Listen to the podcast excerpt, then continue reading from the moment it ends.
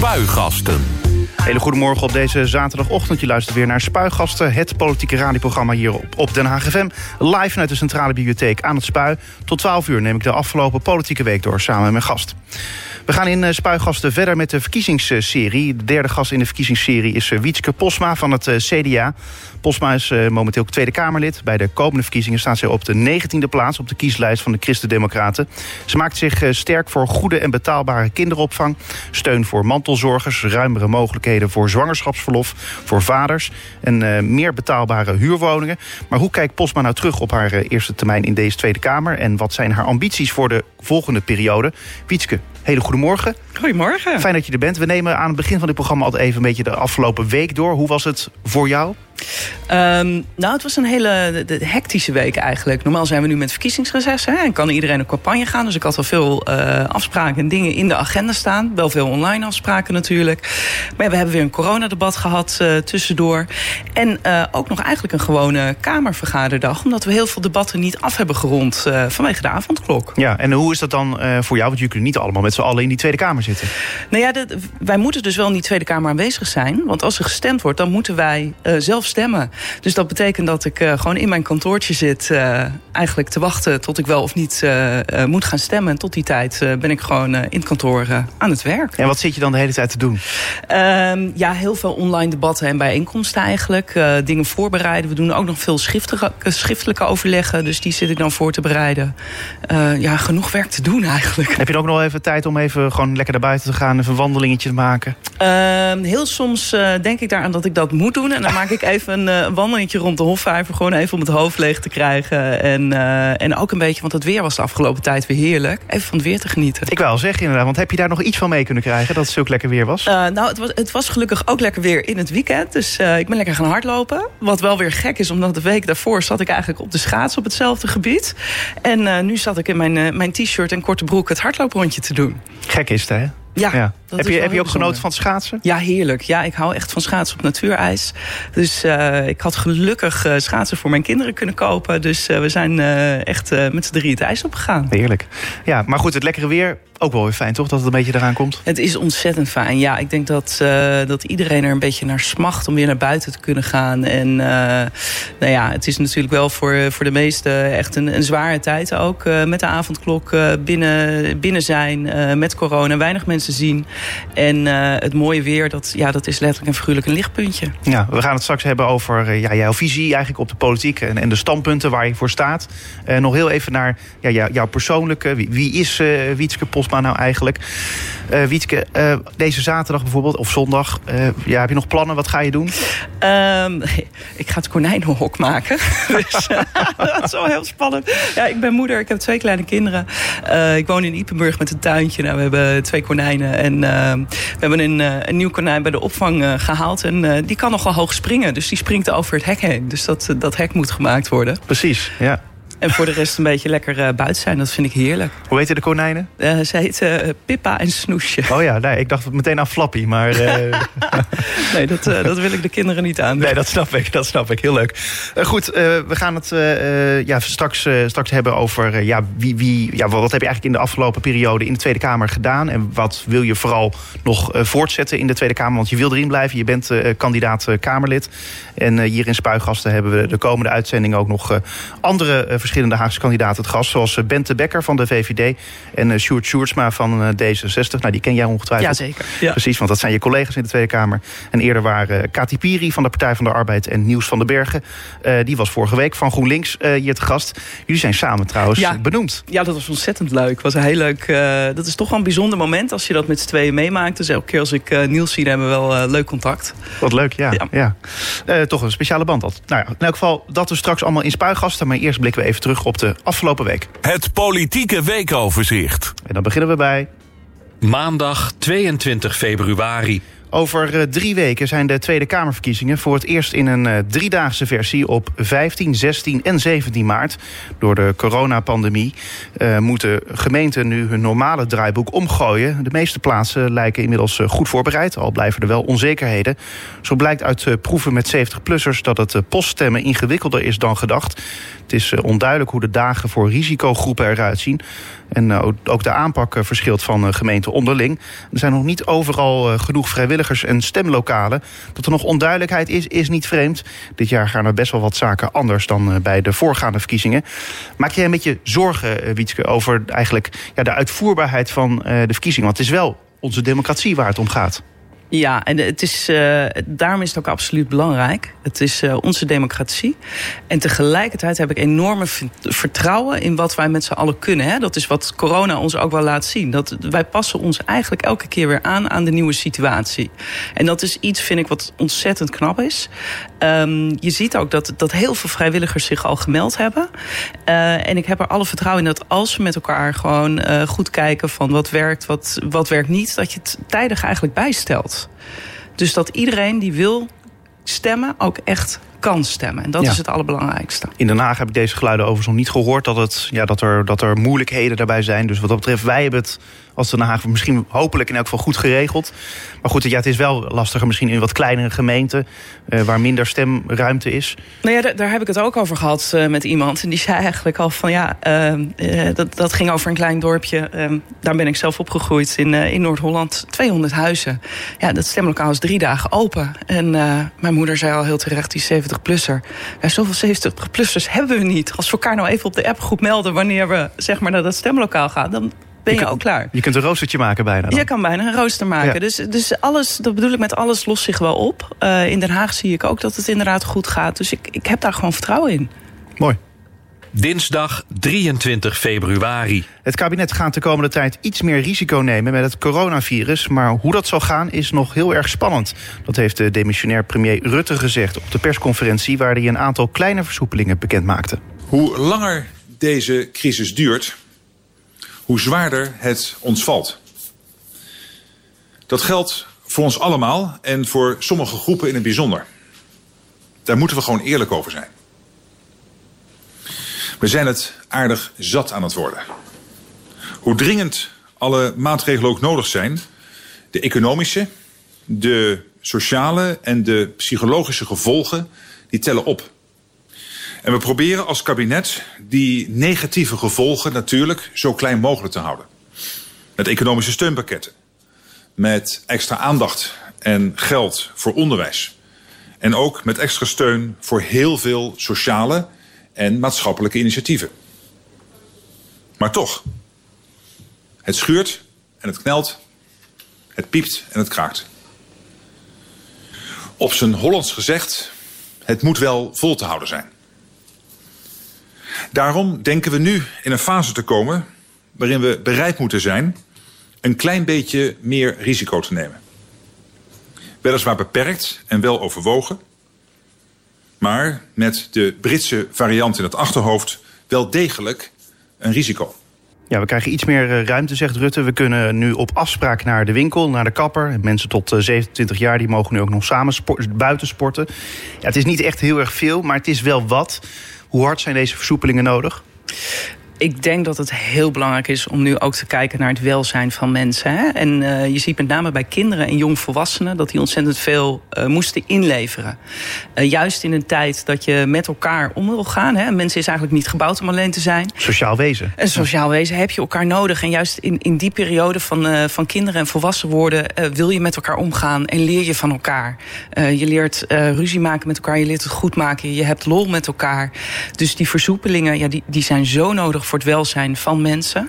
En uh, het lijkt me heel erg juist dat, uh, dat we dit doen. Dus dat we niet alleen maar kijken naar, uh, naar het virus, naar die IC-bedden... maar dat we ook echt terecht gaan kijken naar hoe gaat het eigenlijk echt met mensen. En waar heeft het dan mee te maken? Want waar zit het nou in dat we dat nu gaan doen? Want als je kijkt naar de cijfers, dan zou je heel goed kunnen zeggen... we laten het zoals het is, we gaan helemaal niet versoepelen.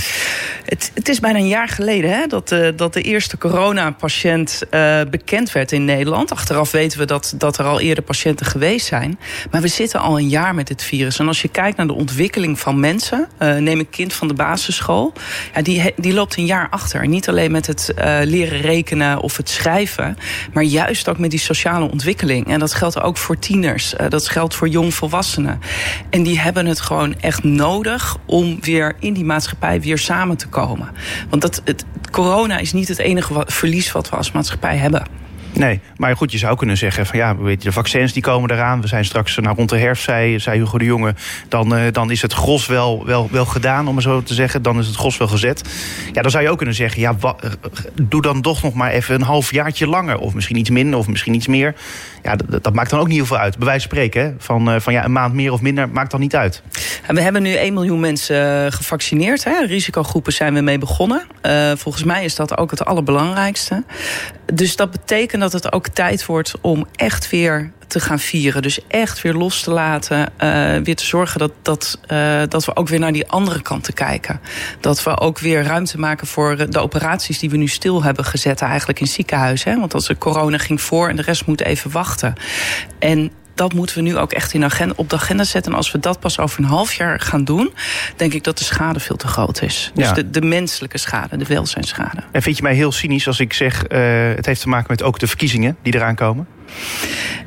Ik denk dat als je naar andere landen om je heen kijkt, of naar ons heen kijkt, Groot-Brittannië is ook aan het versoepelen bijvoorbeeld, uh, Duitsland is aan het versoepelen, ja, die hebben op dit moment geen verkiezingen. Dus ik denk echt dat dit het tijd is waarop het kan.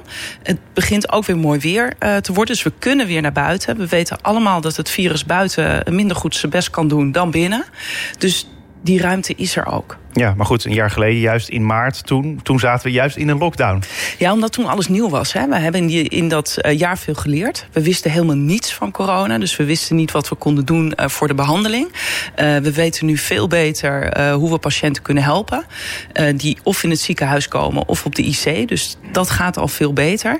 En het was toen zo onbekend dat er ook echt een, een, terecht, denk ik, um, een soort angst ontstond van we moeten nu even zorgen dat we met z'n allen veilig zijn zodat we goed kunnen leren wat we kunnen doen. Nou, inmiddels weten we heel veel wat we kunnen doen. We moeten nog steeds afstand houden, handen wassen, mondkapjes om. Maar als we dat allemaal netjes doen, dan kunnen we met z'n allen iets meer. Ja, nou, nou, nou hadden we het aan het begin over, ja, een mens is een sociaal wezen, dus we hebben die, die versoepelingen echt hard nodig. Nou zijn er ook heel veel mensen die zoiets hebben van, ja, ik vind eigenlijk wel, ja, ik zou bijna willen zeggen, ik vind het wel prima zo, weet je, meer op afstand. Uh, je hebt misschien thuis, als je thuis werkt, meer vrijheid. Je kunt lekker genieten van de buitenlucht in plaats van dat je binnen in een kantoor gaat zitten met, met z'n allen. Uh, ja, eigenlijk is, is het virus. Uh, ja, het heeft wel een soort, een, een, een soort mindset gebracht bij mij. Uh, ja, hoe, hoe is dat geland het, bij jou? Het heeft ook iets, iets moois meegebracht. Hè? Ik moet meteen even denken aan mijn portefeuille mobiliteit. Uh, ik heb de minister in de zomer al gevraagd... van hou nou vast wat we hebben met thuiswerken. We hebben enorm veel geleerd met z'n allen. En zorg ervoor dat we bijvoorbeeld... Uh, het staat ook bij ons in het verkiezingsprogramma... thuiswerken verankeren in de cao's. Dus dat er uh, veel meer ruimte is om eigenlijk je privéleven in te richten samen met je werk. En dat betekent dat je veel minder in de file hoeft te staan. Maar dat betekent dat je ook flexibeler bent uh, wanneer je even buiten wil gaan sporten. Of wanneer je je kinderen op wil halen uh, van school of iets anders. En dan s'avonds even doorwerkt. Dus dat je dat, dat mooie eigenlijk behoudt. Uh, en, toch wel af en toe naar je werk kan. Ik denk dat iedereen daar wel behoefte aan heeft. Uh, juist om elkaar te zien. Maar die combinatie heel mooi maakt. Want je ziet nu dat bijvoorbeeld die ochtendspits... ja, komt wel een beetje weer terug bijvoorbeeld. Als we het even over verkeer hebben. Ja, uh, maar het is vooral overdag drukker geworden, is mijn, is mijn idee. Gisteravond bijvoorbeeld stond ook weer een zonder enorme files hier weer rondom Den Haag. Ja, dan denk ik wel van ja... We zijn nog steeds in een lockdown eigenlijk. Het is eigenlijk te gek voor woorden dat dit natuurlijk gebeurt... dat, dat iedereen dus ineens weer naar buiten trekt. Ja, we zijn in die zin uh, denk ik ook enorme gewoontedieren. Hè? We willen wel op pad, we willen uh, mensen zien. Uh, en als je kijkt ook denk ik hoe we na corona de maatschappij moeten inrichten... moeten we even af van bepaalde gewoontes. Hebben elk bedrijf heeft maandagochtend de, de staffmeeting... waarin je even bij elkaar zit om te kijken wat je de week erop moet doen. Zorg er nou voor dat je dat via de video kan doen. Zodat mensen of naar kantoor kunnen komen of pas daarna. Dan spreid je al veel meer die mobiliteit. maar ik denk dat het wel heel belangrijk is... dat je je mensen wel die ontmoetingen gunt op het werk. Ja. Ik, zie, ik hoor ook van grote kantoren die hun uh, kantoren aan het herinrichten zijn naar ontmoetingsplekken in plaats van vaste werkplekken. Want dat mag nu ook thuis. Ja, ja. En hoe is het voor jou in de Tweede Kamer? Nou ja, wij moeten uh, in de grondwet staat dat uh, de Tweede Kamervergadering pas mag beginnen als het quorum aanwezig is. Dat is de helft plus één. ik woon in Den Haag, dus ik ben een van de Kamerleden die zich aan heeft gemeld om, om hier altijd te zijn. En als er gestemd moet worden, moeten wij daar ook fysiek zijn. Ja, maar dat, dat, heeft toch eigenlijk ook wel iets geks. Hè? Dat zou toch ook digitaal kunnen? Want bijvoorbeeld als je kijkt naar de gemeenteraadsvergadering van Den Haag... ook andere gemeenten doen het gewoon digitaal. Ja, dat is een keuze die door de voorzitter uh, gemaakt is. Ja. Uh, het quorum verander je, verander je niet zomaar. Uh, dat staat verankerd in de wet. Um, maar zo hebben we het nou eenmaal afgesproken. Ja, nou dat is zo. Maar goed, aan de andere kant, maar wat is, jouw, wat is jouw persoonlijke opvatting? Zou jij zoiets hebben van ja, ik zou wel wat meer juist thuis willen werken? Um, ik, Aan de andere kant, die mooi. Ja. Ik, wat, wat ik heel erg mis nu in, in mijn baan, uh, ten opzichte van toen ik begonnen heb, toen er nog geen corona was, zijn de ontmoetingen met mensen. Dat mis ik enorm. Dat mis ik ook in de campagne die ik nu start. Ik vind die ontmoetingen op straat het aller, allerleukste. En die heb ik nu niet. Ik Nee. heb, uh, ja, een videoscherm is toch een afstand. Ja, nou, daarom ben ik blij dat jij hier zit. ja, precies. Woensdag 24 februari. Het dimissionaire kabinet vindt het eh, niet verstandig om de terrassen op dit moment weer eh, onder voorwaarden te openen. Maar de komende tijd wil het kabinet er opnieuw naar kijken. Dat heeft premier Rutte gezegd in het eh, Kamerdebat over de kleine versoepelingen die het kabinet gisteren dus aankondigde. Dinsdag was dat. Dit, dit vinden mensen, nou ja, veel mensen die ik spreek vinden het echt onbegrijpelijk dat die terrassen niet open kunnen. Overal zie je mensen op bankjes zitten, op stoepjes zitten. Aan de rand van de Hofvijver zaten ze met z'n allen. Dat is dan ongecontroleerd. Terwijl als je op terras zit, dan is het gecontroleerd. Ja, ik zie jou knikken. Jij bent het er helemaal mee eens. Ja, absoluut. Ja, wij, eh, ik, begrijp dat zelf ook niet goed. Eh, afgelopen woensdag was het debat hierover. En als CDA hebben we ook gevraagd, is een motie ingediend eh, en gesteund. Juist, juist hierom, hè, dat, dat, dat mensen die gaan inderdaad allemaal op een kluitje zitten bij elkaar. Dat is ook logisch, want je hebt mensen die een appartementje hebben zonder buiten... of studenten op studentenkamer. Ah, die willen elkaar allemaal zien, die willen lekker naar buiten toe. En geef die mensen dan die mogelijkheid door lekker op een terras te gaan zitten... of bij een strandtent. Gewoon lekker buiten met elkaar eh, weer die, die, eigenlijk die gecontroleerde ontmoetingen. Want we zagen afgelopen zomer, eh, als je bijvoorbeeld naar het plein kijkt... dat dat allemaal heel goed geregeld was. Netjes die afstand, Weinig besmettingen ook nog. weinig besmettingen. Dus dat ging heel erg, eh, erg goed. Dus wat het CDA betreft, geef de ruimte... En, en kijk hoe we dat weer kunnen doen. En je helpt de ondernemers ermee ook nog. Ja, absoluut. Ja, het is een, het is een en-en. Het is en ondernemers helpen, maar ook de mens zelf... die weer even elkaar wil zien. Ja, aan de andere kant, en dat snap ik eigenlijk ook wel weer, is dat je dan zegt van ja. Als je de terrassen opengooit, dan zorg je ervoor dat mensen juist weer lekker naar buiten gaan en dus elkaar weer opzoeken. En dat is nou precies wat we niet willen. Ik bedoel, kijk, net als shoppen, het moet nu niet leuk worden om te gaan winkelen. Want dat, daarom heb je ook het winkelen op afspraak. Je mag maar tien minuten ergens. eh, nou ja, het lijkt me overigens zelf wel leuk dat je tien minuten zelf in, in je eentje in een winkel kan rondlopen. Eh, je hebt de hele verdieping voor jezelf. Ja, dat, dat personal shoppen, dat, eh, daar kijk ik ook naar uit. Ehm, Ja, maar, tien minuten. Ja, maar tien minuten, ja, dat is wel erg weinig. Maar eh, wat hier vooral bij, belangrijk is, is dat mensen gaan toch wel naar buiten. Eh, want je wil elkaar zien, hè? Wat, wat je terecht zei. Ja, mensen zaten hier bij de Hofvijver echt op elkaar gepakt. Alle bankjes waren gewoon bezet en zaten mensen dicht bij elkaar. Als je aan die afstandregels houdt, dus die anderhalf meter, je mondkapje en je handen wassen, dan kom je al een heel eind. En bij een stad als Den Haag, dat is natuurlijk wel wat drukker en groter, eh, is het wel zo van ja, als het echt te druk is op een locatie, van ga even kijken of je ergens anders naartoe kan. Ja. Dat is een heel belangrijk. We hebben natuurlijk het voordeel van onze fantastische stranden. Hè? Precies, je hebt eh 10, 11 kilometer aan strand hier. Eh, ja, je kunt ook nog een beetje iets annexeren van, eh, van Wassenaar en van, eh, van het Westland natuurlijk. Maar, eh, maar goed, je, ja, je, hebt, hebt veel parken hier, bossen. Maar goed, je, wat je natuurlijk niet wil als, als, als gemeente, als stad... natuurlijk die tafereelen die je in Amsterdam ziet... in het Vondelpark, dat helemaal dicht moet worden gegooid... en waar het echt bezaaid ligt met allemaal rommel. Ja, waar het echt helemaal bezaaid is, waar het ook veel te druk was. Uh, en tegelijkertijd denk ik, dat was ook echt een van de weinige plekken waar mensen heen konden. Dus als je meer plekken aanbiedt dan hè, wat je doet door een terras open te zetten, dan verspreid je die drukte ook. Oké, okay, ja, dus, dus het idee is dus terrassen open, dan verspreid je, uh, je de mensen precies, op verschillende ja. plekken. Ja. En uh, nou ja, win-win situatie. Waarom win gaat het kabinet daar dan niet mee? Ja, de, Rutte ging erover nadenken, zoals hij al zo mooi zei. Uh, ik denk dat hij in gaat zien dat, dat dit een van de dingen is die gewoon echt nodig is. Ja, staan jullie als CDA, ja, jullie staan niet er als enige in, uh, maar ja, heb je enig idee hoe, dat, hoe de verhoudingen uh, de liggen? VVD heeft meegetekend met deze motie. Uh, dus het is een motie van CDA en VVD geworden. En hij heeft het ook gehaald, dus er is een meerderheid voor. Nou, dus ze moeten het gaan uitvoeren. Maar goed, hij gaat erover nadenken. Dus dat betekent niet dat hij, het gaat uit, dat hij er iets mee gaat doen daadwerkelijk. Nee, maar ik, ik denk, hè, gezien, gezien alle, als je de goede analyse maakt, dan lijkt het mij iets wat wel evident is. 1 en 1 is 2, dus wanneer gaan die terrassen open? Ja, ik, ik hoop heel erg snel. Ja, maar ik plak er eens een datum op. Ja, dat vind ik altijd moeilijk. Ja, maar is dat, iets, is dat iets, ik bedoel, binnenkort weer de volgende persconferentie, 9 maart? Nee, dat, dat, zou een moment kunnen zijn, hè? Uh, waar je er naar kijkt. En ik ga ervan uit dat hier dan ook wel van tevoren even goede afspraken worden gemaakt. Met bijvoorbeeld Koninklijke Horeca Nederland, met de ondernemers zelf. Van goh, wat is haalbaar? Uh, maar ook met de gemeente. Van moet er dan misschien meer ruimte komen voor uh, terrasplekken? Bijvoorbeeld. En hoe gaan we dat doen? Donderdag 25 februari. De conclusies van de parlementaire onderzoekscommissie naar het UWV, CBR en de Belastingdienst die zijn niet mals. Wetten en regels zijn zo ingewikkeld dat miljoenen Nederlanders ze niet kunnen begrijpen. De ambtenaren die ze moeten uitvoeren inbegrepen. De menselijke maat die wordt vergeten. En er zijn mensen die klem komen te zitten tussen, uh, door de uitvoeringsproblemen. Sommigen zelfs heel erg ernstig. De commissie die steekt vooral de hand in eigen boezem. De Tweede Kamer die is uh, eerder geneigd te reageren op incidenten... dan om structureel te sturen op de uitvoering. Dat zo staat in dus in het rapport. Verder benutten Kamerleden beschikbare informatiebronnen te weinig... en vult de Kamer in het algemeen haar controlerende taak niet adequaat in harde... Uh, dat staat dus, uh, zijn de enkele harde conclusies. Is het dan een beetje, uh, Nieuwswietske, ja, wat, wat, wat een beetje geland is in de Kamer? Jullie zijn eigenlijk meer bezig met de korte termijn dan met de lange termijn? Um, nou, het, het, is een, het is een heel goed goed punt. Hè? Uh, het Kamerlid zijn is, is ook echt een vak. Ik doe het nu anderhalf jaar en ik heb nu het idee dat ik uh, nu eindelijk lekker op stoom ben, uh, zeg maar. Maar het is echt iets wat je, wat je moet leren. En het nadeel van, uh, van de verkiezingen is dat je elke keer weer nieuwe mensen erbij krijgt. die, die, die ook heel talentvol zullen zijn. Maar je moet altijd eventjes ook het vak leren.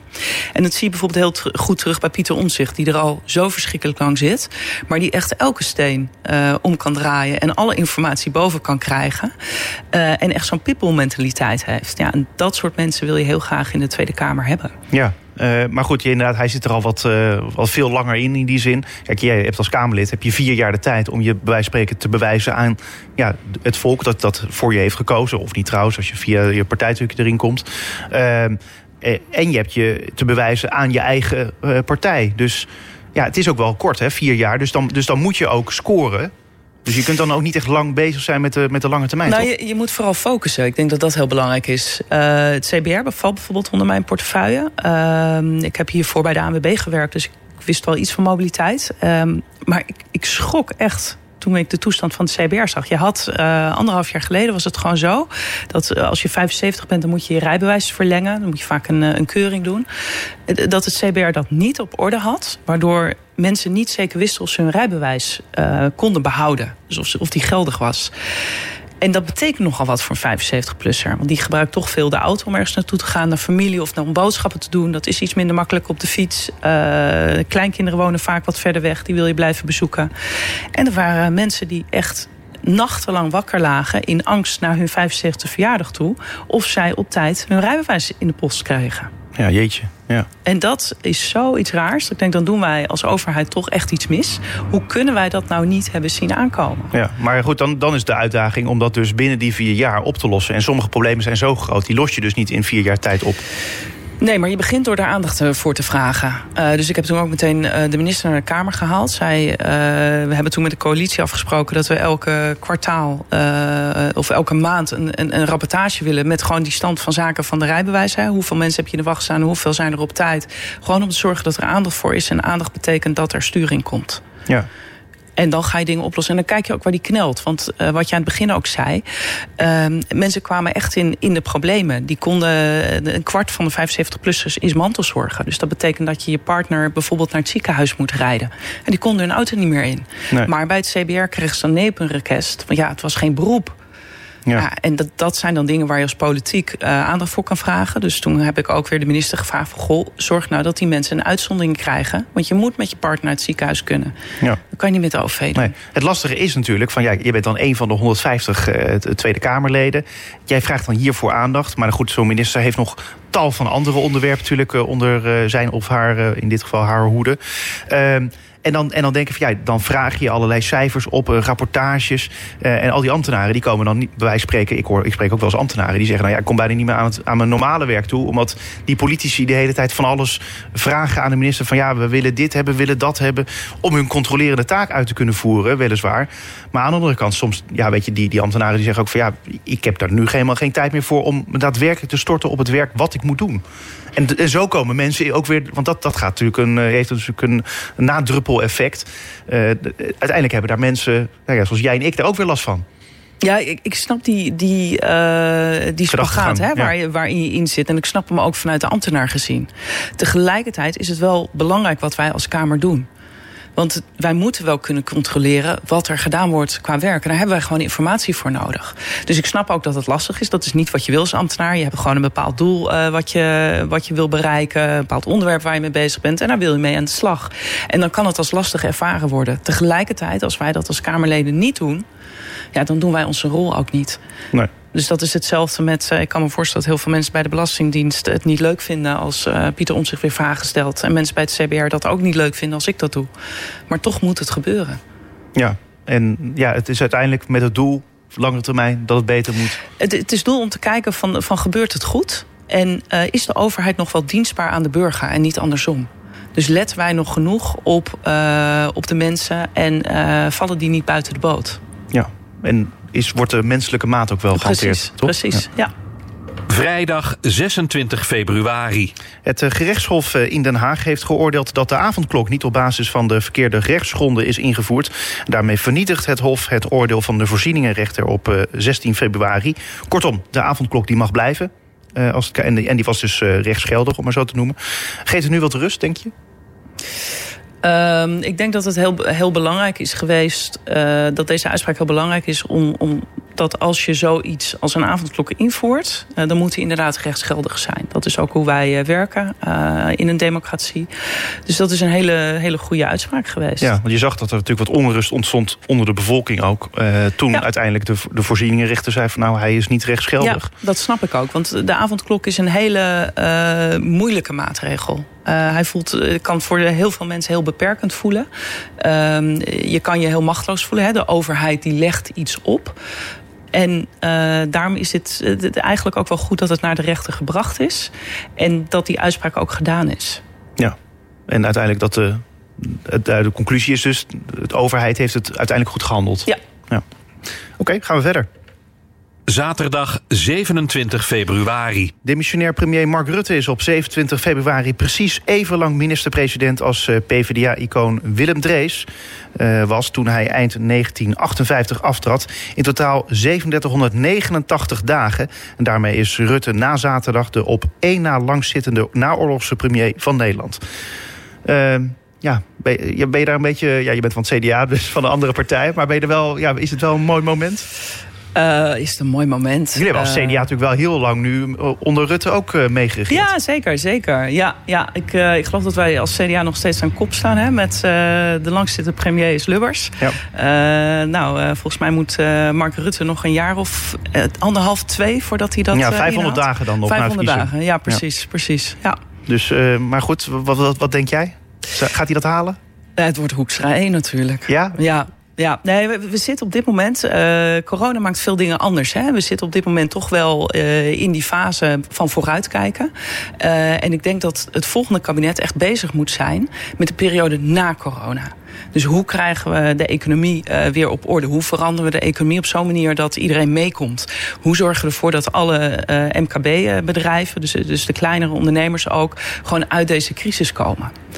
En uh, daarvoor is het heel handig om iemand te hebben die gewoon goede verstand heeft van financiën. En dat is niet Rutte, maar dat is Hoekstra. Nou ja, dat is de minister van Financiën. Ja, tuurlijk. Maar goed, Rutte leidt al tien jaar het land, Hoekstra niet. Dat klopt. Uh, maar je ziet echt dat je op dit moment echt iemand nodig hebt... die gewoon een goede visie heeft van hoe halen we uh, Nederland weer uh, uit het slop... en hoe zorgen we dat die economie goed staat. Ja, luisteraars, ja, kijk, die, die, die, van dit, het is een politiek programma, dus mensen snappen wel de verhouding. Maar toch heeft het al wat iets geks, hè, dat, dat jij van het CDA, terwijl het CDA al zo lang meeregeert met de VVD, dan eigenlijk zegt dus dat de visie van Rutte niet goed is, maar dat die van Hoekstra wel goed is. Nee, kijk, ik denk dat, dat je al zo lang, zo lang samen doen. Ja, je werkt heel lang samen. Hè? Volgens mij is dat uh, sowieso van dit, dit kabinet, uh, vind ik wel heel knap. Is dat je, ja, we hebben eigenlijk twee grote crisissen gehad in één kabinetsperiode. Dan noem ik de stikstof ook even, hè, waar we mee begonnen. Dat is ook. Haast vergeten? Echt, ja. ja, ik wou het zeggen, zou haast vergeten. Dus we hebben stikstof en corona. En toch heeft dit kabinet uh, het, het heel lang gewoon samen gedaan. En dat vind ik ontzettend knap. Waarbij die samenwerking eigenlijk voorop stond. Van hoe gaan we met z'n allen bouwen. Tegelijkertijd zitten we nu weer in een nieuwe periode. Uh, waarbij we echt uh, ja, corona eigenlijk aan, aan het uh, ja, ik hoop echt dat het binnenkort buiten, buiten de deur is. En waarbij je echt moet kijken van hoe zorgen we nou dat het welzijn weer uh, bij iedereen goed is. Dat de ondernemers weer aan de slag kunnen. En dat mensen ook weer werk hebben. Maar het is niet zo dat je klaar bent met Rutte, hè? want dat zeggen heel veel mensen. We zijn klaar met Rutte. Rutte moet weg. Dat, dat, is, dat vind ik zo'n onaardige uitspraak. Dat Ja. klinkt als dat is niet iets wat ik zou zeggen. Nee, hebben we dat even helder. Oké, dankjewel. Uh, tot zover het weekoverzicht. Meer nieuws vind je op onze website denhagfm.nl. Uh, we gaan hier in Spuigasten verder met de verkiezingsserie. De derde gast in de verkiezingsserie is uh, Wietske Posma van het CDA. Posma is momenteel Tweede Kamerlid. Bij de komende verkiezingen staat ze op de 19e plaats op de kieslijst van de Christen-Democraten. Ze maakt zich sterk voor goede en betaalbare kinderopvang, steun voor mantelzorgers, ruimere mogelijkheden voor verzwangerschapsverlof voor vaders en meer betaalbare huurwoningen. Hoe kijkt uh, Posma terug op uh, haar eerste termijn in de Kamer? Wat zijn haar ambities voor de volgende periode? Uh, laten we even teruggaan naar 5 juni 2019. Toen ben je benoemd als Tweede Kamerlid voor het CDA. Je kwam in de Kamer toe vanwege het vertrek van Hanke Bruins Slot. Even terug naar dat moment. Weet je nog hoe dat ging? Uh, of is het inmiddels alweer zo lang nee, geleden? Je... Nee, nee, het was een hele, hele leuke dag. Uh, ik, ik mocht uh, heel veel mensen uitnodigen, want we werden met z'n tweeën beëdigd. Uh, dus dan is er veel ruimte. Het kon nog fysiek ook in de plenaire zaal. Dus ik had mijn ouders uitgenodigd, mijn broer en zijn vrouw, neefjes en nichtjes. Vriendin van mij met haar zoon. Mijn kinderen waren er ook. Dus ja, dat was een hele leuke dag. Ja, om nog even dat gevoel terug te krijgen, laten we even luisteren. Ja, voorzitter, ik sta hier bijna vaker om, uh, voor, om beëdiging te vragen dan een debat aan te vragen. Dat is ook weer iets nieuws. Maar dat is natuurlijk wel een heugelijk feit voor twee mensen die staan te popelen totdat ik heb uitgesproken wat onze bevindingen zijn. Wij hebben de commissie voor de geloofsbrieven kijken altijd of iemand een Nederlandse identiteit heeft en of ze benoemd kunnen worden. Uh, dat er uh, geen uh, belangenverstrengeling of zijn die dat niet toelaten. En ik heb goed nieuws, voorzitter. De commissie voor het onderzoek van de geloofsbrieven heeft de stukken onderzocht die betrekking hebben op mevrouw W.L. de de pater Postma te Schravenhagen en de heer C.N. van den Bergen te Schravenhagen. Ik dank de commissie voor haar verslag en stel voor dien overeenkomstig te besluiten. Al dus besloten. Ik verzoek de leden en overige aanwezigen in de zaal en op de publieke tribune indien mogelijk te gaan staan. Mevrouw de Pater Postma en de heer Van den Berg zijn in het gebouw der Kamer aanwezig om de voorgeschreven eden, verklaringen en beloften af te leggen. Ik verzoek de griffier hen binnen te leiden. Ik zweer, verklaar en beloof dat ik, om tot lid van de Staten-Generaal te worden benoemd, rechtstreeks nog middelijk, onder welke naam of welk voorwendsel ook, enige gift of gunst heb gegeven of beloofd. Ik zweer, verklaar en beloof dat ik om iets in dit ambt te doen of te laten, rechtstreeks, nog middelijk, enig geschenk of enige belofte heb aangenomen of zal aannemen. Ik zweer, beloof. Ik zweer, beloof trouw aan de koning, aan het statuut voor het koninkrijk en aan de grondwet. Ik zweer, verklaar en beloof dat ik de plichten die mijn ambt mij oplegt getrouw zal vervullen. Zo waarlijk helpt mijn God allemaal. Dan wil ik jullie van harte feliciteren met het lidmaatschap van onze Kamer en verzoek u plaats in onze zaal te nemen. En ik schors de vergadering voor enkele ogenblikken, zodat ook, ik weet niet waar het babytje is, op de publieke tribune daar, uh, om u te feliciteren. Ja, ja, hoe, hoe, is het om weer terug te horen? Ja, ontzettend leuk. Ja, dat, dat was mijn nichtje Vivian, die vanaf de publieke tribune ook uh, een bijdrage leverde. Ja, dat hoorde je inderdaad de hele tijd terwijl uh, ja. Tweede Kamervoorzitter Ariep daar bezig was met de verklaring en de belofte natuurlijk.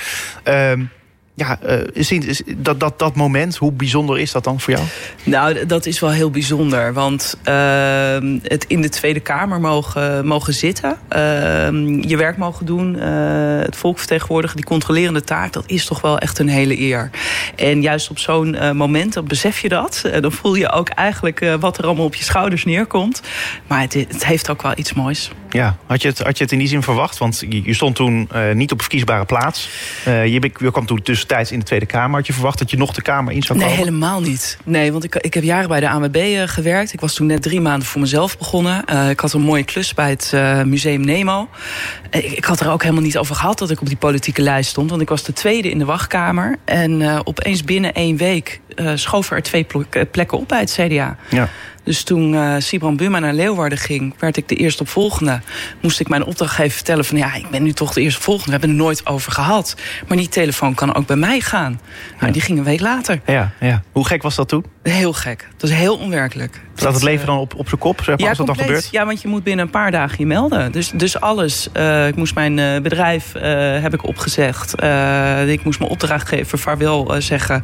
Alles zo goed mogelijk proberen over te dragen. En je hebt binnen een paar dagen een heel ander leven. Ja, en dan begint het avontuur in de Tweede Kamer. Want dan moet je toch gaan ontdekken ja, hoe, hoe alle hazen lopen. Hoe, hoe, heb je dat onder de knie gekregen? Ja, nou, ik, ik ben mijn werkzame leven begonnen als medewerker bij de CDA Tweede Kamerfractie. Dat heb ik vijf jaar gedaan. Dus dat gaf me al veel veel ervaring in hoe de processen werkten. Uh, waar ik heel erg aan moest wennen was dat ik niet de adviseur was, maar degene die het ook moest doen. Ja. En je hebt in de Tweede Kamer, die plenaire zaal, heb je zo'n soort onzichtbaar lijntje waar je als medewerker niet overheen. Mag. En ik weet nog de eerste, sta, eerste keer dat ik als Kamerlid die stap daar overheen zette... dat mijn voet eigenlijk een beetje haperde. ik dacht, dit, dit klopt niet, dit kan niet. Wat mooi. Uh, je, bent je bent geboren in, in Beets, uh, Noord-Holland. Ja. Uh, dat was dat dorpje waar je het over had in Noord-Holland, toch? Dus waar 200 mensen ja, 200 wonen. huizen. Ja. Precies. Oh, 200 huizen. maar je woont nu dus in Ipenburg. waarom ben je destijds toen naar Den Haag verhuisd? Um, Had het te maken met jouw werk bij de ANWB toen? Nee, het was uh, gewoon uh, de werkgelegenheid. Ik, uh, ik was afgestudeerd in de internationale bedrijfskunde... maar kwam er echt achter dat, dat het, het gewoon het geld verdienen niets voor mij is. Ik wou veel meer maatschappelijk bezig zijn. En een vriendin van mij die werkt als persoonlijk medewerker voor de VVD. En zei, Wieske, je hebt het altijd over politiek. Kom nou eens met mij mee. Dit is wat jij leuk vindt. Dus ik ben een dag met haar meegelopen en ik was gewoon verkocht. Dus ik dacht, ik moet naar Den Haag. Ik moet in Den Haag gaan werken. En ja, ik ben dus gewoon verhuisd. En toen ben ik gaan solliciteren om te kijken of ik aan de slag kon wel bij het CDA, want die partij past veel beter bij mij. Maar uh, ja, dat is uiteindelijk gelukt. Ja, en, en, nou goed, voel je dan ook een beetje Haags? Of, of is het vooral het Binnenhof dat je dan trekt? Nee, ik vind het Haagse directe vind ik heerlijk. Ik heb hiervoor, uh, ik kom uit het Noord-Hollandse. Uh, in Beets wonen heel veel mensen uit Amsterdam-Noord. Dat was toen echt zo'n arbeiderswijk met lekkere directe mensen. En daar hou ik enorm van. En dat heeft het Haagse ook in zich. En dan, en dan, ben je in de Tweede Kamer gekomen en uh, je kreeg de portefeuille, of in ieder geval, je bent nu uh, woordvoerder op de volgende terreinen: infrastructuur en waterstaat. Uh, je hebt dan infrastructuur van de wegen, de verkeersveiligheid. CBR, scheepvaart heb je allemaal onder je.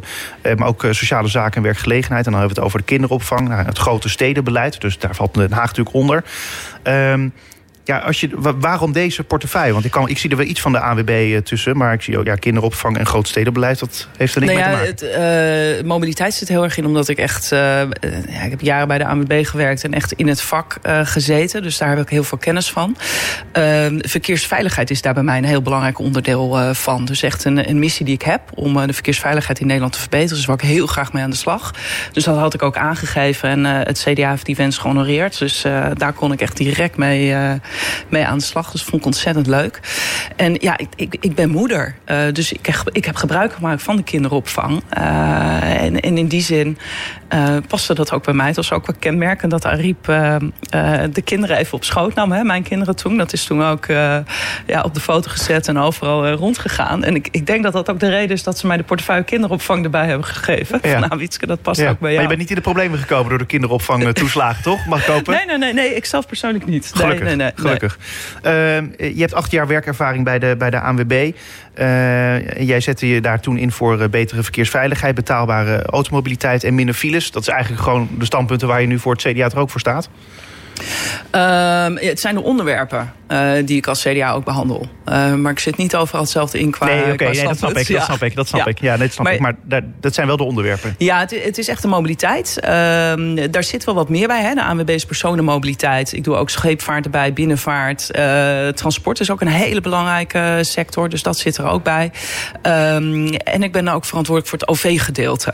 Dus de tram en de Juist, bus. Ja. Nee, daar wordt nu niet zoveel gebruik van gemaakt. Nee, dat, dat is een van de schriftelijke overleggen die ik uh, deze week gevoerd heb over de, de, eh, de beschikbaarheidsvergoeding heet dat. Dus de, de financiële tegemoetkoming voor, uh, voor het openbaar vervoer. Ja, we zitten hier live ja, aan het spui.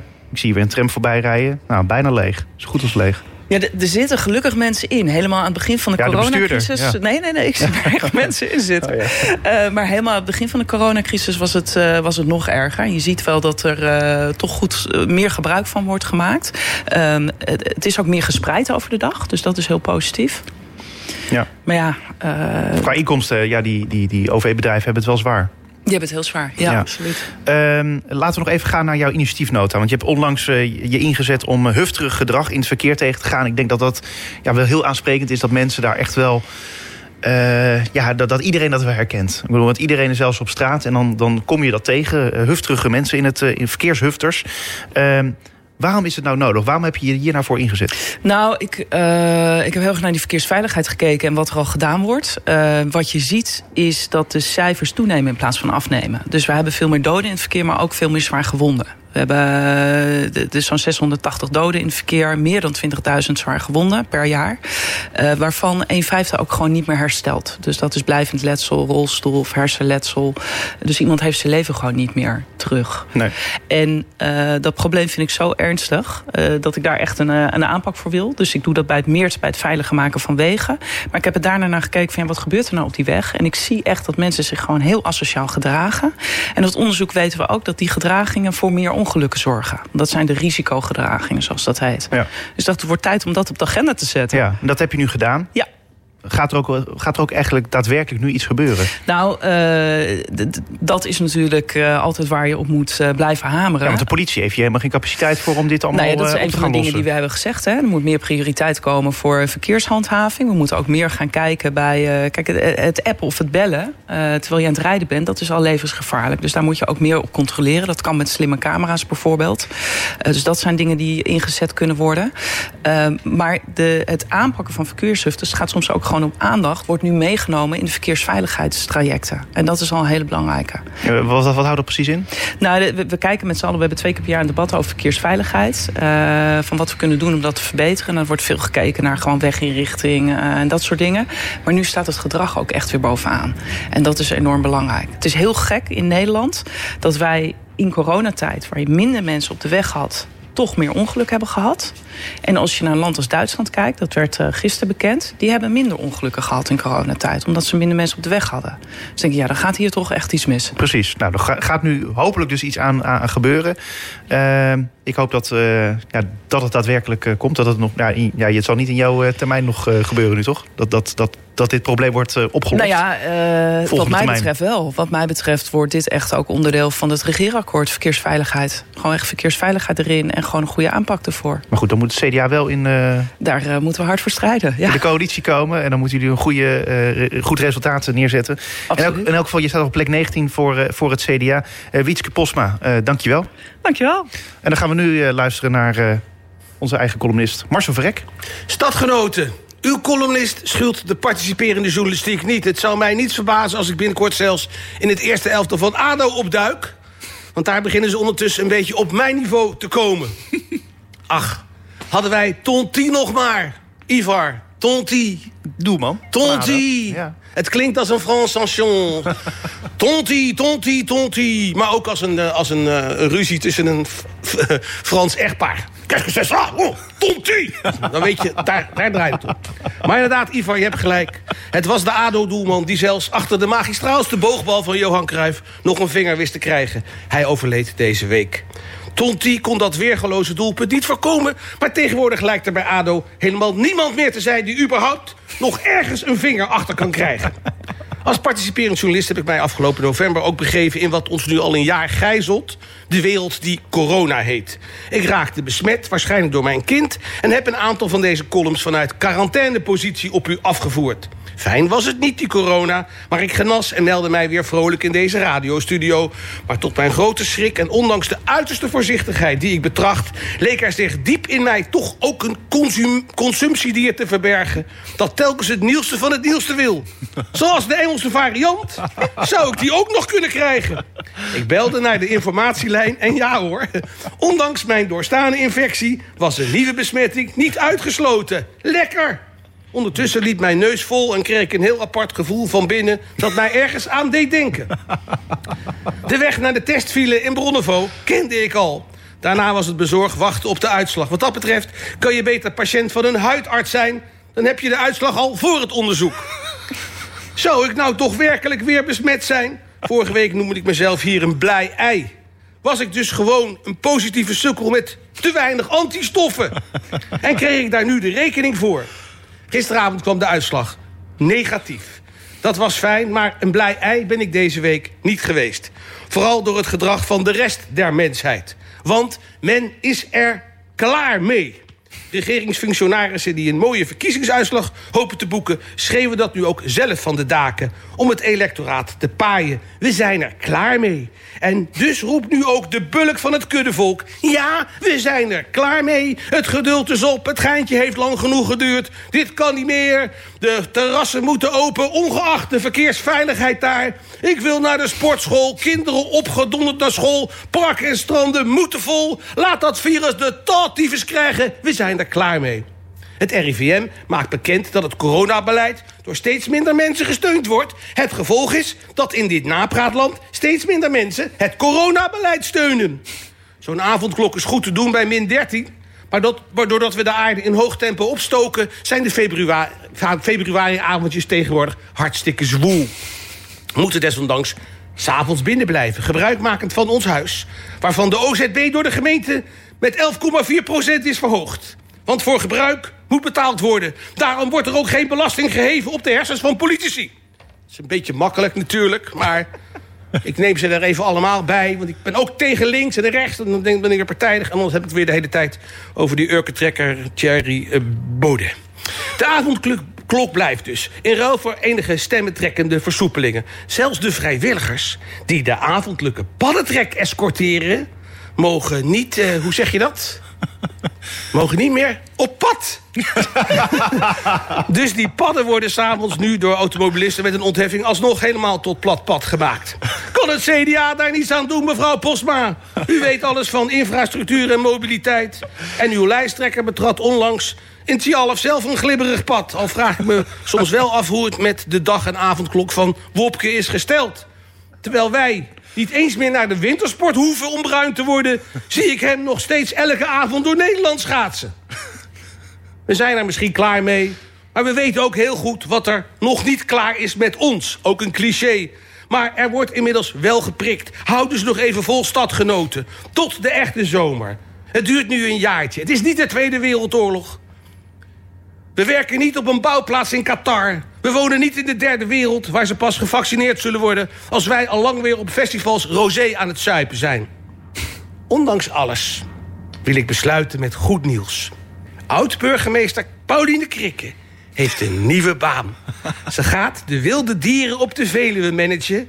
en daar hebben wij haar hier in Den Haag, denk ik, perfect op voorbereid. Hou je Haags. Wees er niet klaar mee. Hou nog even vol. Wees voorzichtig. Geniet van het goede. En tot snel. Marcel Vrek, dankjewel. En dit was Spuigasten voor deze week. Bedankt voor het luisteren en tot volgende week.